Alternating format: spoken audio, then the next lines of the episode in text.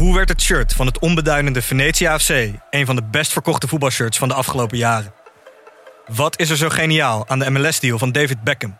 En waarom vinden we het normaal dat jeugdspelers gezien worden als investeringsobjecten? In de podcast Grof Geld onderzoek ik, Sam van Raalte, voetbaljournalist, samen met merkstratege Per van der Brink de macht van geld in de voetbalwereld. Wat gaat er schuil achter de wereld van sport en glamour? En wie profiteert er?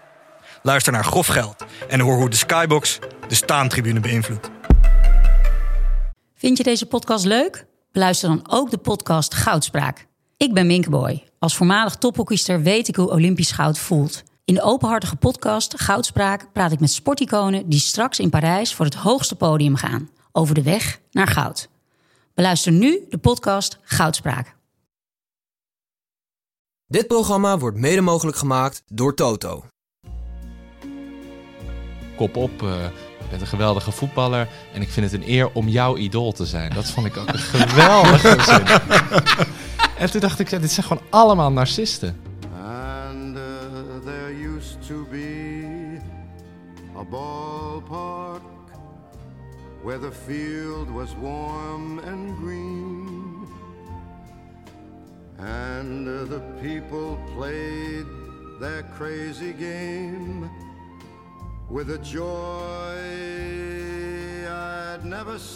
Ik kan denk ik lekker juichen en ik vind het ook heel leuk om te juichen, maar ik vind het net zo leuk, minstens zo leuk om te zingen. Goedemorgen, Hartgras podcast, WK podcast nummer, uh, ik schat uh, 22. Um, uh, ja, we openden eigenlijk met een tribute aan Jack van Gelder. Toen hij nog Jack van Gelder was eigenlijk, dat hij zo graag juichte, benadrukt. En Thomas zegt hij benadrukt dat elk jaar één keer minstens.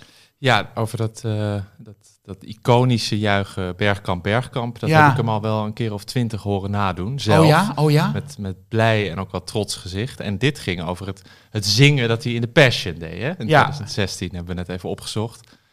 Waar Ja. hij de rol van Pilatus op zich nam. Ja, en eigenlijk heeft zijn carrière eh, een vrij drastische wending genomen. Eh, nu hij eh, permanent Sigrid Kaag voor de bus, of voor de bus gooit, wat is dat voor een uitdrukking? Maar aanvalt eigenlijk. Gisteren weer een tweet. Kaag is er voor zichzelf, Brussel en het WEF. De Nederlandse burger is gepeupel voor haar. Ik vind het wel merkwaardig. Hij radicaliseert.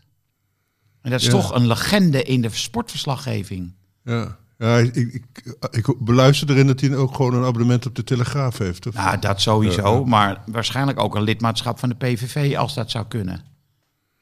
Ja, die, die misogynie, zou ik maar zeggen, het is altijd heel specifiek gericht geweest, ook op Femke Halsema. Het gaat eigenlijk over de partijen heen. Hè. Het, is, het wordt vermomd als een soort eh, ja, rechts, eh er, rechtsergernis over links arrogantie. Ja, Maar het richt zich altijd op tot vrouwen, Op vrouwen, ja. die bovengemiddeld intelligent zijn. ja dat is dat, heel eh, grappig. dat is bij Jack misschien al gauw het geval dat, dat iets bovengemiddeld wordt, maar voor hem uitbezien. Maar dat, speelt volgens mij mee. Maar ik zou, als ik Dennis Bergkamp was, zou ik me hier eens een keer tegen te weer gaan stellen. Want er wordt afbreuk gemaakt aan de, de mooiste WK-goal van Nederland. Het is bijna een illustratie bij dat eh, ja, hysterische hè, ge- ge- gegil. Dat, eh, Ja, dus Dennis, mocht je luisteren, zet je schrap. Keer je hier eens tegen. Ehm, en goed. Frank de Boer, want die komt er helemaal niet meer aan te pas. Nee, want dat, en die gaf de paas. Het lijkt wel of Jack van Gelder zelf die voorzet geeft. hè? Ja. Want hij zegt zoiets van, Ja, ik, hè, ik voel dat het gaat Ja, gebeuren. ja, ik heb zo'n Ja. gevoel dat we in de halve finale Het lijkt net komen. of hij, eh, dat Frank de Boer naar hem geluisterd heeft. En Ja. dus het Ja. eigenlijk makkelijk voor Frank de Boer was. En het knappe, ik zat hem in Jack's voorspelling. Ja, en to- toen ik opgroeide, ik ben natuurlijk helemaal van een andere generatie dan jullie. Toen was Jack altijd al wel een beetje, misschien was hij dat altijd al, maar een, een, een dol, dolle, doorgedraaide commentator. Maar wel eh, op de eerste en tweede plaats stond zijn enthousiasme. En dat vond ik ook altijd wel leuk. Ik had ook in mijn, mijn, eh, mijn slaapkamer, in mijn ouderlijk huis, had ik dan een foto uit de krant geknipt waarop hij een beetje verlekkerd in de camera, volgens mij uit het parool of zo keek.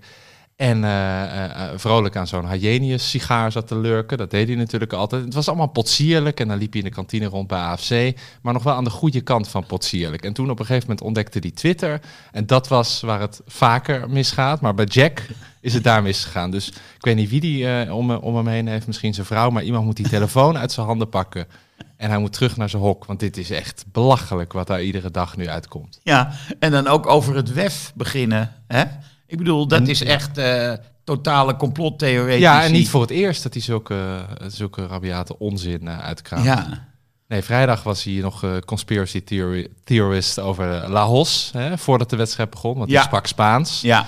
Eh, maar dat, dat, dan kan je nog denken, dat zit nog in het voetbalhoekje. Maar moeiteloos schakelt hij dan over naar de wereldpolitiek. Maar was dat ook niet Thierry Baudet die zei dat eh Kaag op een spionnenschool had gezeten? Een soort, Ja, Spy School in Oxford. oh ja, ja. dat was een soort... eh, Nee, nee, dat was die Bosman, Of die, maar in ieder geval zo'n... dacht ik. Nou, het was dus nee, zo'n volgens mij heeft Baudet dit gezegd over dat is ook Kaag. de neergang van die, eh, van die Bergkamp is daar begonnen. Die uh, Ja. Bergkamp, dat die toen niet ingreep. Die, Ja, ja, want toen ja. werd het echt eh, van... De andere Bergkamp, ook al neergang. Ja. Ja, misschien.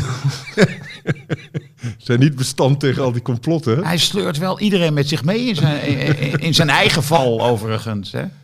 Goed, ik ehm, heb eh, vandaag ik heb een stukje uitgeprint van Carolina Trujillo over de Argentijnen. Het is wel grappig. Zij is natuurlijk Uruguayaans qua afkomst. Dan, dan Ehm, zijn de Argentijnen een beetje de, wat de Duitsers voor ons... eh, Nou, dit zegt ze over Argentinië. In Zuid-Amerika voert Argentinië al decennia lang onafgebroken de lijst aan van meest gehate landen van het continent. Argentijnen staan bekend als arrogant, luidruchtig en zelfingenomen. Maar het gedrag van vrijdagavond leek zelfs voor Argentijnen buitensporig. Ik heb die column gelezen toevallig vanochtend. En ze stelt even verderop dat Nederland eigenlijk het Argentinië van Europa is. Nederland is de spiegel van eh, Argentinië, ja. Want ze zegt, ehm, als je iets heel erg haat, haat je meestal datgene in die ander waarop jij lijkt. Dus, eh, dus is zelf eigenlijk ook een Argentijnse.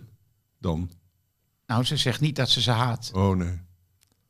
Maar inderdaad, de conclusie is gewettigd. Nou, en vaak klopt dat ook wel. Alleen vrijdag kreeg ik, om dan het daar weer even over te hebben, bij Nederland juist het idee, ze haten die Argentijnen omdat ze niet zo konden zijn. Dus het, dat is weer het andere uiterste. Maar ze wilden wel, In ieder geval niet Ze- zo goed kunnen zijn. nee, Ze zo proberen het fel wel. en, Ja, en, ja. en gemeen. Dat, dat, je voelde aan alles, het is imitatie. Het is, het, is het, niet, het is het niet echt. Ook bij die penalties, dat was toch ook vrij belachelijk eigenlijk. Ja, dat, daar schaam ik me nu al voor. Dat gaat mijn hele leven nog, voor zover me rest, ga ik me schamen. Ja. Over Denzel Dumfries. Ja, en Noppert, die ging ook eh, Messi Oh ja, intimideren. Ja. En met de bal weg, pakken en een stap naar vlieg. achter. Messi pakte zijn vliegenmapper en eh, deed twee Een hele keer zo. grote vlieg, ja. Ja. Maar Noppert werd ook heel klein ineens, vond ik. ja, hij Die kromp. lengte werd zo benadrukt, maar er bleef niets meer van hem over, vond ik. Sowieso niet met die penalties. Nee. Maar nu heb ik het afschuwelijke bericht in de krant gelezen. Dat Ajax denkt aan Noppert. Ik Ja. weet niet of dat wederzijds is, maar eh, Ajax denkt aan Noppert. Wat vind je daarvan? Ja, ze moeten natuurlijk een keeper eh, kopen, dat is wel duidelijk. Ja, maar waarom altijd die WK-hysterie? Ja. Nee, maar goed, een- een- Noppert hadden ze natuurlijk wel eerder kunnen ontdekken hè, bij Deventer en zo. Met z'n- ja, ja. Nee, daar hebben ze Gorter ontdekt. Bij Go Ahead. Oh ja. Ja. Ja, ik vind het... eh, Nou ja, Bayern heeft die Livakovic nu eh, gescout. Hè? ja. Maar ik vind het echt wel lachwekkend. Dat Ajax, beursgenoteerd bedrijf, zeggen we er dan altijd bij, ziet een lange man op goal staan in het Nederlands elftal en denkt, weet je wat, we gaan hem kopen. Ja. Dus toch gewoon niet dat je zegt van visie.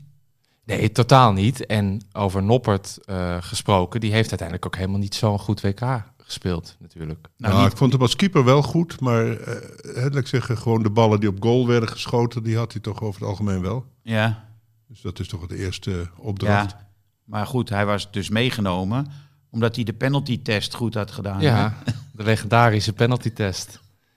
Ja, en, Ja, en maar het- behalve Van Breukelen heeft niemand ooit eh, zo goochem, zou maar zeggen, eh, gekiept. Als, eh, want het is toch, dat is die Nederlandse mentaliteit. Ik ga, ik ga het netjes doen, zou ik maar zeggen. Terwijl natuurlijk de vuiligheid bepaalt wie. Het is natuurlijk een psychologisch spel uiteindelijk. Maar je denkt dat Noppert te netjes is geweest. Ik denk het wel. Het is toch een hele lieve, lieve jongen. Dus, eh, ja, wel met een drankprobleempje. Dat zie je nog wel een beetje in zijn. eh, Zou je denken? Ja, ik heb zelf ook ge- veel geoefend vroeger. Dus ik herken wel de, de- ook die huidstructuur en de. die, In het gezicht. Ja, die lever werkt niet meer 100%. Dat is. eh, die, en, die, en die vlekken onder zijn ogen. Dus het is niet, dat komt niet alleen van slecht slapen. Dat, eh. Maar goed, dat, eh, dat, dat maakt hem wel weer sympathiek. Dus het is wel een, eh, een figuur voor een. nou ja, meer voor een streekroman eigenlijk dan voor echte wereldliteratuur. Ja, wie zou hem moeten schrijven? Wie heeft Bartje geschreven? Anne de Vries. Ja, maar die Ja, is dood. Die is dood, ja. Ja. Dus ja. We hebben, we Zit er niet meer in. Nee, zelfs streekromanschrijvers hebben we niet meer. Nee, Deze cultuur gaat helemaal ten onder. ja. Eh, ze heeft ehm, eh, ook nog, ze citeert ook nog, Carolina, in haar column, uitspraken van de Nederlandse pers op websites, allemaal Spaans ondertiteld. Valentijn Driessen zei, Argentinië speelt met tien, hè? Behalve drie of vier momentjes doet Messi niks. De bal is hun grootste vijand.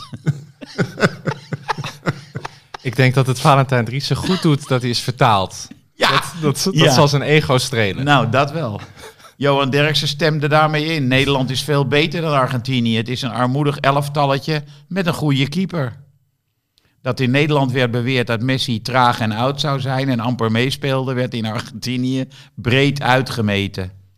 En dat Van Gaal Zuid-Amerikanen zou haten, kwam ook steeds voorbij. Dat die, eh, dat die eh, commentatoren dan nog zo'n rol spelen. Hè? Misschien eh, is er nog voor Jack van Gelder hoop dat hij ook in Zuid-Amerika aan de worden, bak kan. Ja. Dat zijn hele oeuvre vertaald gaat worden en daar in kleedkamers eh furoren gaat maken. en die bandjes misschien ook, hè, kunnen ze hem ook nasynchroniseren. Nou ja, kijk, ik denk dat Van Gaal gewoon te naïef is om zich te hebben eh, kunnen realiseren dat wat hij zei over Messi, hij verdedigt niet mee, dat dat een rol zou gaan spelen in, eh, in, eh, in de kleedkamer van Argentinië. Ja, volgens mij was hij daar helemaal niet op bedacht. Want je zag ook in, in dat, dat veel getoonde fragmentje met Davids, Messi en Van Gaal. het leek wel alsof hun, hun karaktereigenschappen in een soort blender waren gegooid en allemaal bij een andere persoon waren terechtgekomen. Want Messi was ineens heel, nou ja, heel fel. Messi werd de Davids. ja, ja, en Davids die was helemaal kalm en zen. Zen, ja. En Van Gaal, ja, ik zag eigenlijk iets op zijn gezicht wat ik, wat ik nog nooit heb gezien daar. Want hij wist gewoon helemaal niet wat er gebeurde, wat hem overkwam. Het was, het was blanco en verbaasd tegelijkertijd. Het Ja. was, hij was echt met stomheid geslagen. En hij was ook net duidelijk verslagen. Dus dat zag je ook in alles. Ik vond het wel tragisch hoe hij daar stond. Ja. Maar we zijn natuurlijk met z'n allen meegesleurd door iemand die in het narcisme spectrum vrij hoog eh, scoort. Wie, Louis? Louis, ja. Ja. Dus dat, en dat, een, een narcist ziet alleen zijn eigen binnenwereld. Die ziet eigenlijk geen, geen ander.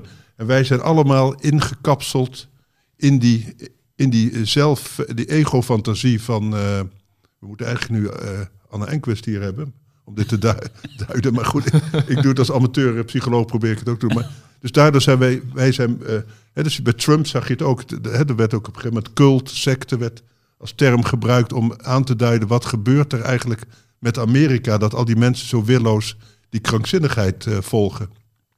En ik heb het gevoel dat wij met z'n nationaal erin getuind zijn en, en ook hebben gedacht, het is waar, weet je wel. Hij, hij vormt een team, eh, nou ja, ze, we gaan voor eh, broeder, wat is het, Gakpo en, en broeder, Broeder Memphis, en, en Weghorst, ja, Memphis. die zit, in, die zit weer in een, in een afsplitsing, denk ik. Oh ja. Gekrookte riet of zo, die zit in een, in een eigen, eigen denominatie. Maar goed, die, die, eh, ik denk wel dat dat eh, een rol speelt. Dat we, ze- we vo- vooraf geloofde namelijk niemand erin dat we potten zouden breken. Nee. En door dat eindeloze gedoe van Louis met, met een tweedelige bio, bio- biopic en zo over hem, zijn we er allemaal een beetje ingetrapt dat het wel zou kunnen dat we wereldkampioen werden. En daardoor was die verrassing dat we gewoon door, door een middelmatig Argentijns team eh, geklopt werden.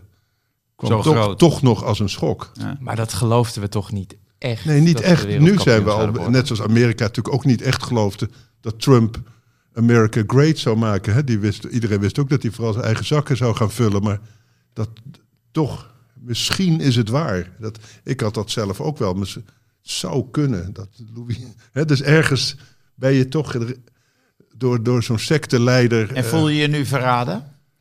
Nou, een beetje viezig eigenlijk. ik vind het onsmakelijk dat ik toch... Hè, ik heb nog geen oranje petje opgezet of zoiets. Zo, in zover ben ik niet gegaan. Maar ik heb wel ja, toch met spanning aan, eh, hè, afgewacht hoe we het eraf zouden brengen. Dat is, ja, en achteraf denk ik... Ja, Ik denk wel dat hij gewoon, eh, behalve dat hij inderdaad, denk ik, ook wel narcistische trekjes vertoont. Hoewel ik die gelijkenis met Trump niet zou maken. eh, is hij, eh, eigenlijk heeft hij op het voetbalveld gewoon steeds de rationele beslissingen genomen. En niet ten dienste van zichzelf, de, het elftal samengesteld of die beslissingen die hij heeft moeten nemen genomen. Eh, ik denk wel dat hij gewoon het maximale eruit heeft gehaald. Namelijk kwartfinale was ook de doelstelling van de KVW. ja, maar de doelstelling is toch ook dat we een beetje het, het voetbal... Nee, we hebben ook dan hoop, hoop. Hoop komt na, na verwachting. Jawel, maar je wilt toch ook een soort enthousiasme... Hè, bedoel, door Usain Bolt vond iedereen eh, hardlopen leuk. Of door eh, Daphne... Ja. hoe heet ze? Nou ja, hebben we nu iconische momenten meegemaakt? Ja, één iconisch moment. En dat was, vond ik ook het rare van die hele wedstrijd vrijdag. Dat zodra het toernooi voor mij begon te leven, was het eigenlijk klaar. Dat, eh, wat betreft Nederland. En het iconische moment is natuurlijk die 2-2. Dat, dat, die die Ja. heb ik ook al teruggekeken. wie- Hoe precies de muurligger opstond. En Messi die meteen ging appelleren bij, bij La Hosse, ook toen. Eh, een paar Argentijnen heel verslagen. Sommige, sommige appelleerden maar. Er was, eh, wat, wat ik ook eh, heel interessant vond, was één reservespeler van Nederland die niet naar de hoek rende. En ik kon steeds net niet zien wie, maar ik was heel benieuwd welke persoon dat dan was. Wie bleef daarachter? Misschien Pasveer of zo. Ik zie het dan helemaal voor me dat er eentje in de dugout staat. Ja, die was toch een beetje verdriet. Nou, dat was voor mij het iconische moment. En eh, toen eigenlijk vijf minuten in de verlenging, eh, toen, toen voelde je al, oh, het, het glipt alweer weg. Ja, We hadden het even in handen. En, en volgens mij wat jij bij de podcast zaterdag ook zei, zodra die penalties begonnen, dacht ik ook, dit wordt niks. nee. En dat was ook door hoe Noppert eigenlijk door zijn knieën ging bij die penalty in de reguliere speeltijd. Ja. dat was zo'n uh, Dat was echt de eye-opener. Ja. Dit gaat no- nooit lukken. Nee. Maar ik vond ook wel, ik vond ook wel mooi ingestudeerd die vrije trap. Eh, want je ziet eh, Gakpo ook twee keer naar de bal toelopen. Ik wist bijna zeker dat Gakpo hem ging eh, nemen. En ik Ja. denk de Argentijnen ook. Ze lieten dat gaatje een beetje open voor zijn rechterbeen, voor de keeper dan. Hè?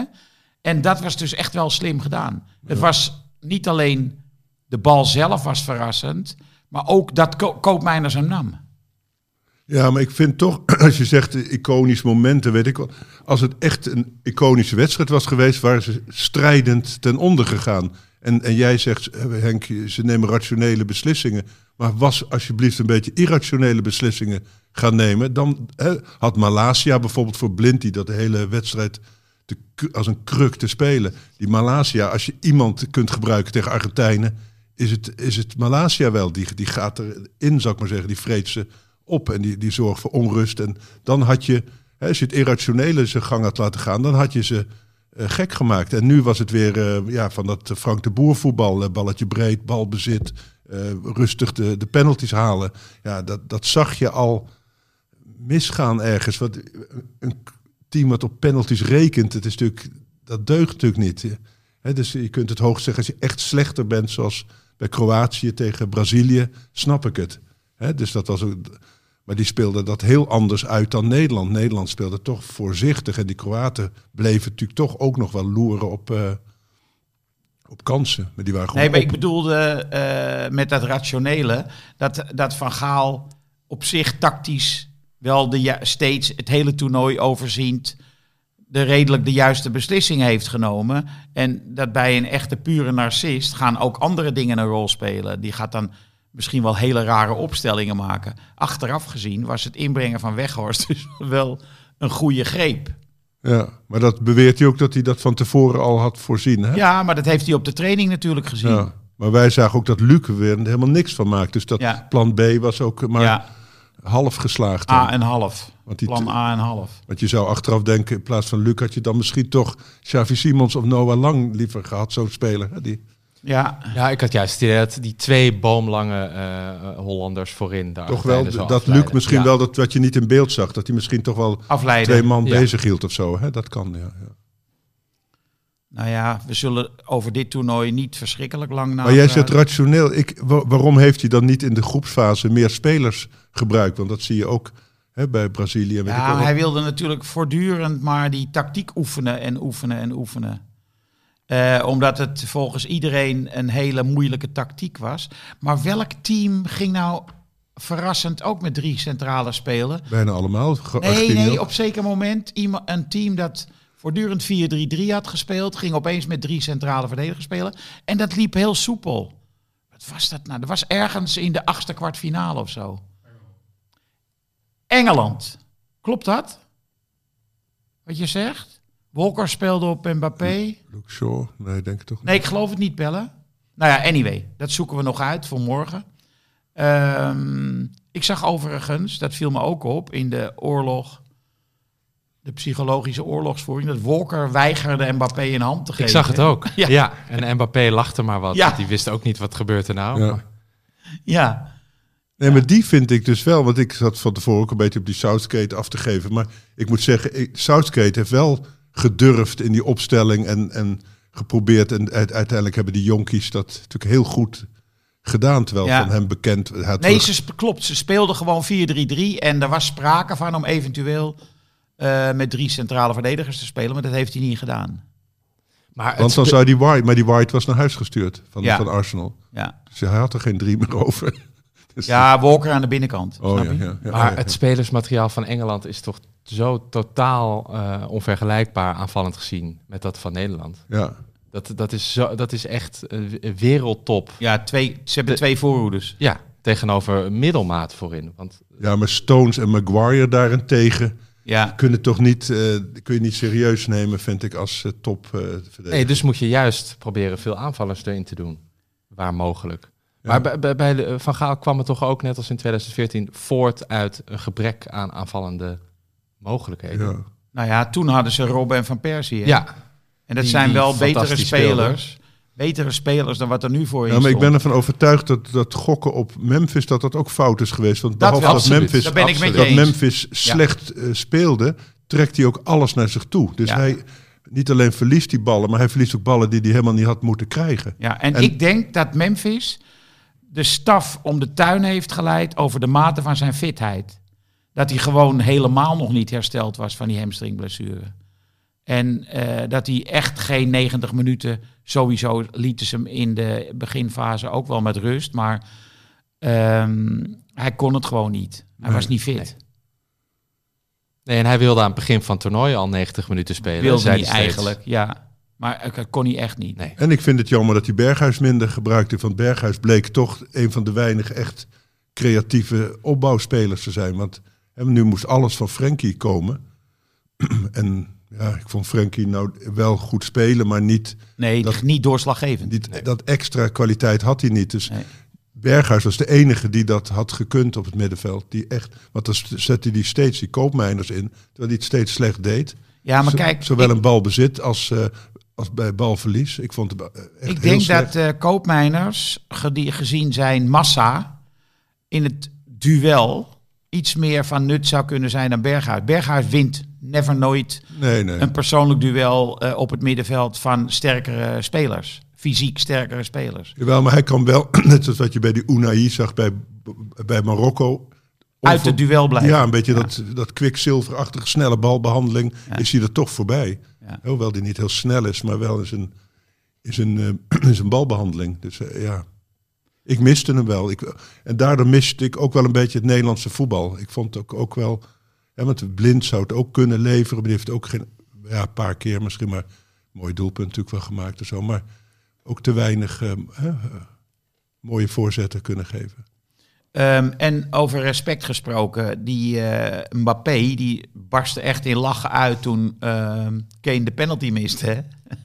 Echt, ik heb zelden iemand op een voetbalveld zo breed uit zien lachen. Het was echt, zijn ogen werden bijna weggedrukt door die mondhoeken.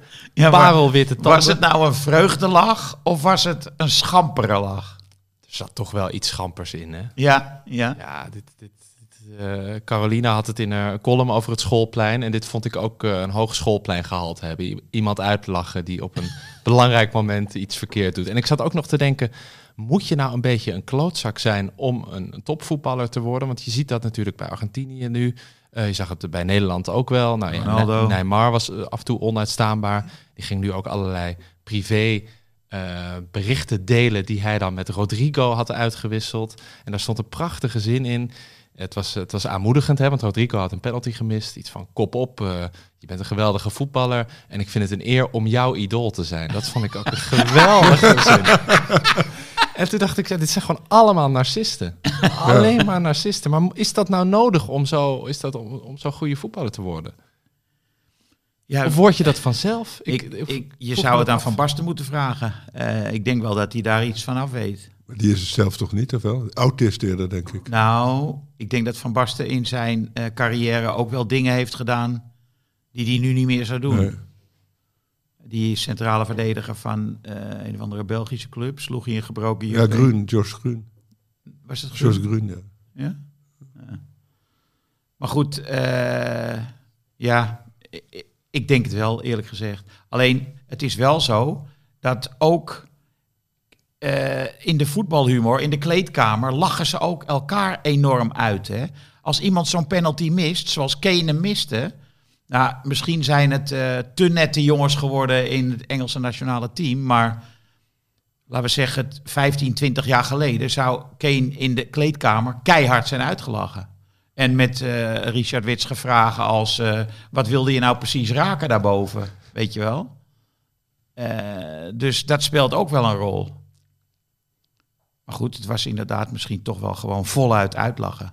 En wie denk je dat wereldkampioen wordt? Dat vraagt Pelle. Oh, vraagt Pelle. Eh, koning van de dag. Moeten we nog kiezen. Nou, eh La Hos is naar huis gestuurd. Dus eh, we kunnen Infantino koning van de dag maken. Maar dat gaat misschien een beetje ver. Eh, oh nee, Colina is dat natuurlijk. eh, die is daar verantwoordelijk voor. Eh, koning van de dag. Valt jullie wat in? Ik heb me eigenlijk alleen maar Gisteren we geërgerd de afgelopen dagen. Eh, nou, niet, niet, aan, eh, Marokko. eh, niet aan Marokko hoor, maar gisteren was natuurlijk eh, Promes die even naar voren trad. Oh, dat en is dat- daar- erg. Daar, daar ergerde ik me natuurlijk bont en blauw aan. En Promes die eh, een Russisch paspoort ja, aanvraagt. was ook heel voorspelbaar eigenlijk. om dat uit de gevangenis te. Ja. blijven. Ja. En ik moest ook nog natuurlijk weer even denken aan Frank de Boer.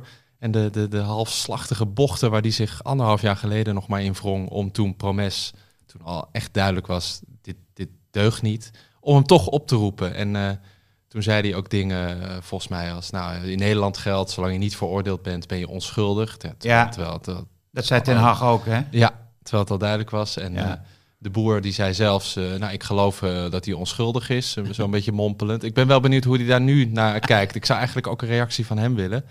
En toen dacht ik ook nog, ja, wie- speelt er nou nu in Rusland? Ik kon- weinig andere Nederlanders bedenken, behalve Rai Vloed. Ik dacht, dit wordt het toevluchtsoord. Voor mensen die een veroordeling Ja, wachten. want die, die, allemaal in, zaak, in gestreepte shirts spelen, denk ik. die zaak is ook Ja, nog mee. open. Met een ijzeren ketting met ijzeren bal aan hun voeten. ja. Maar ja, goed. Eh, ik denk dat we moeten eh, hopen dat Promes de Russische nationaliteit krijgt. En dat hij vrij snel naar Oekraïne wordt gestuurd. Of mag je dat niet zeggen? In de Wagner-groep. Nou ja, hij kan met het mes, als, als de kogels op zijn, kan hij nog met het mes misschien door de linies heen breken.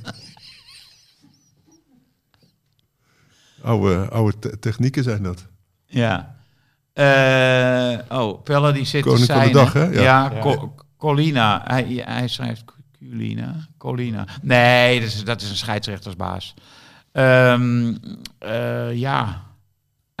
ik vind eigenlijk het lachen van Mbappé, ja, dat moet ik toch ook een beetje om lachen. Maar dat komt omdat ik voor Frankrijk was.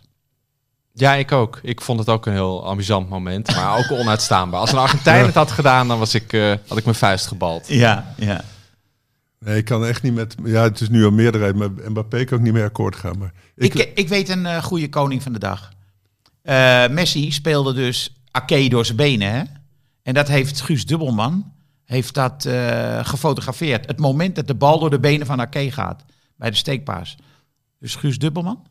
ja, want ik vind het ook moeilijk. Ake Fotograaf? vond ik nou net een van de weinige Nederlanders Ake, die fantastisch eh, Ja. speelde. Nee, Dubbelman. Ja, Dubbelman. Dubbelman?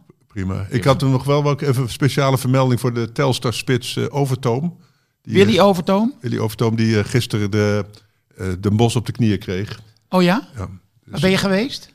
Ja, vond ik wel lekker om weer eens gewone, een gewone wedstrijd waar je nog dat, dat geluid wat doodslaat onder zo'n grijze hemel. Hè, want eh, bij speelde hij spits? Nou nee, hij, maakte, hij speelde... Want hij was vroeger toch gewoon eh, middenvelder? Ja, maar het is niet die, die, het is niet die Overtoom. het is een andere Ja, over. ja. Oh, het is een andere Ik dacht dat Overtoom. die is lang eh, Ja, doorgegaan. ja.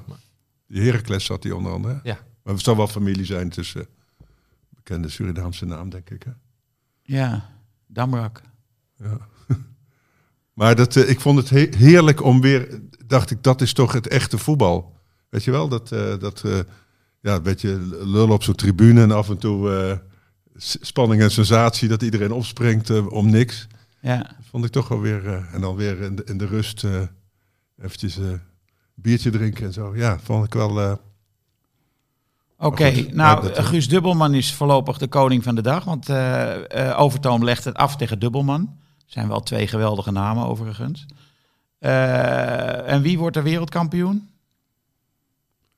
Ja, ik vrees Frankrijk. Ik hoop, ik hoop Marokko, maar dat is natuurlijk eh, ja, wel ijdele hoop, denk ik. Maar wat is het? Ja, Frankrijk. Hm, Ja, Frankrijk. ik ook Frankrijk.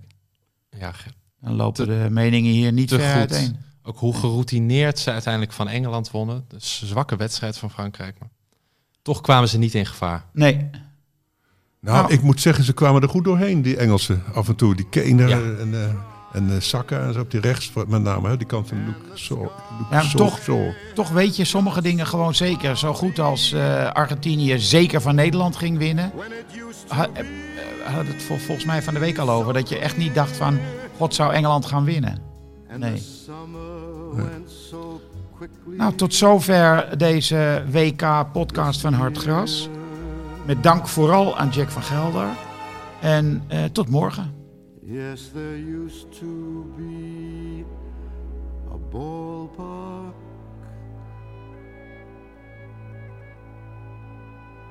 right here. De feestdagen komen eraan. De tijd van de cadeaus is aangebroken. Neem een probeerabonnement op Hartgras. Twee nummers voor 17,50. Neem een jaarabonnement op Hartgras. Dat kost slechts 41,50 voor zes nummers. En je kan ook nog eens een keer een digitaal abonnement nemen voor 25 euro per jaar. Het hele gezin kan mee profiteren. Ga naar hartgras.nl en druk op één knop en je bent abonnee. Dit programma werd mede mogelijk gemaakt door Toto.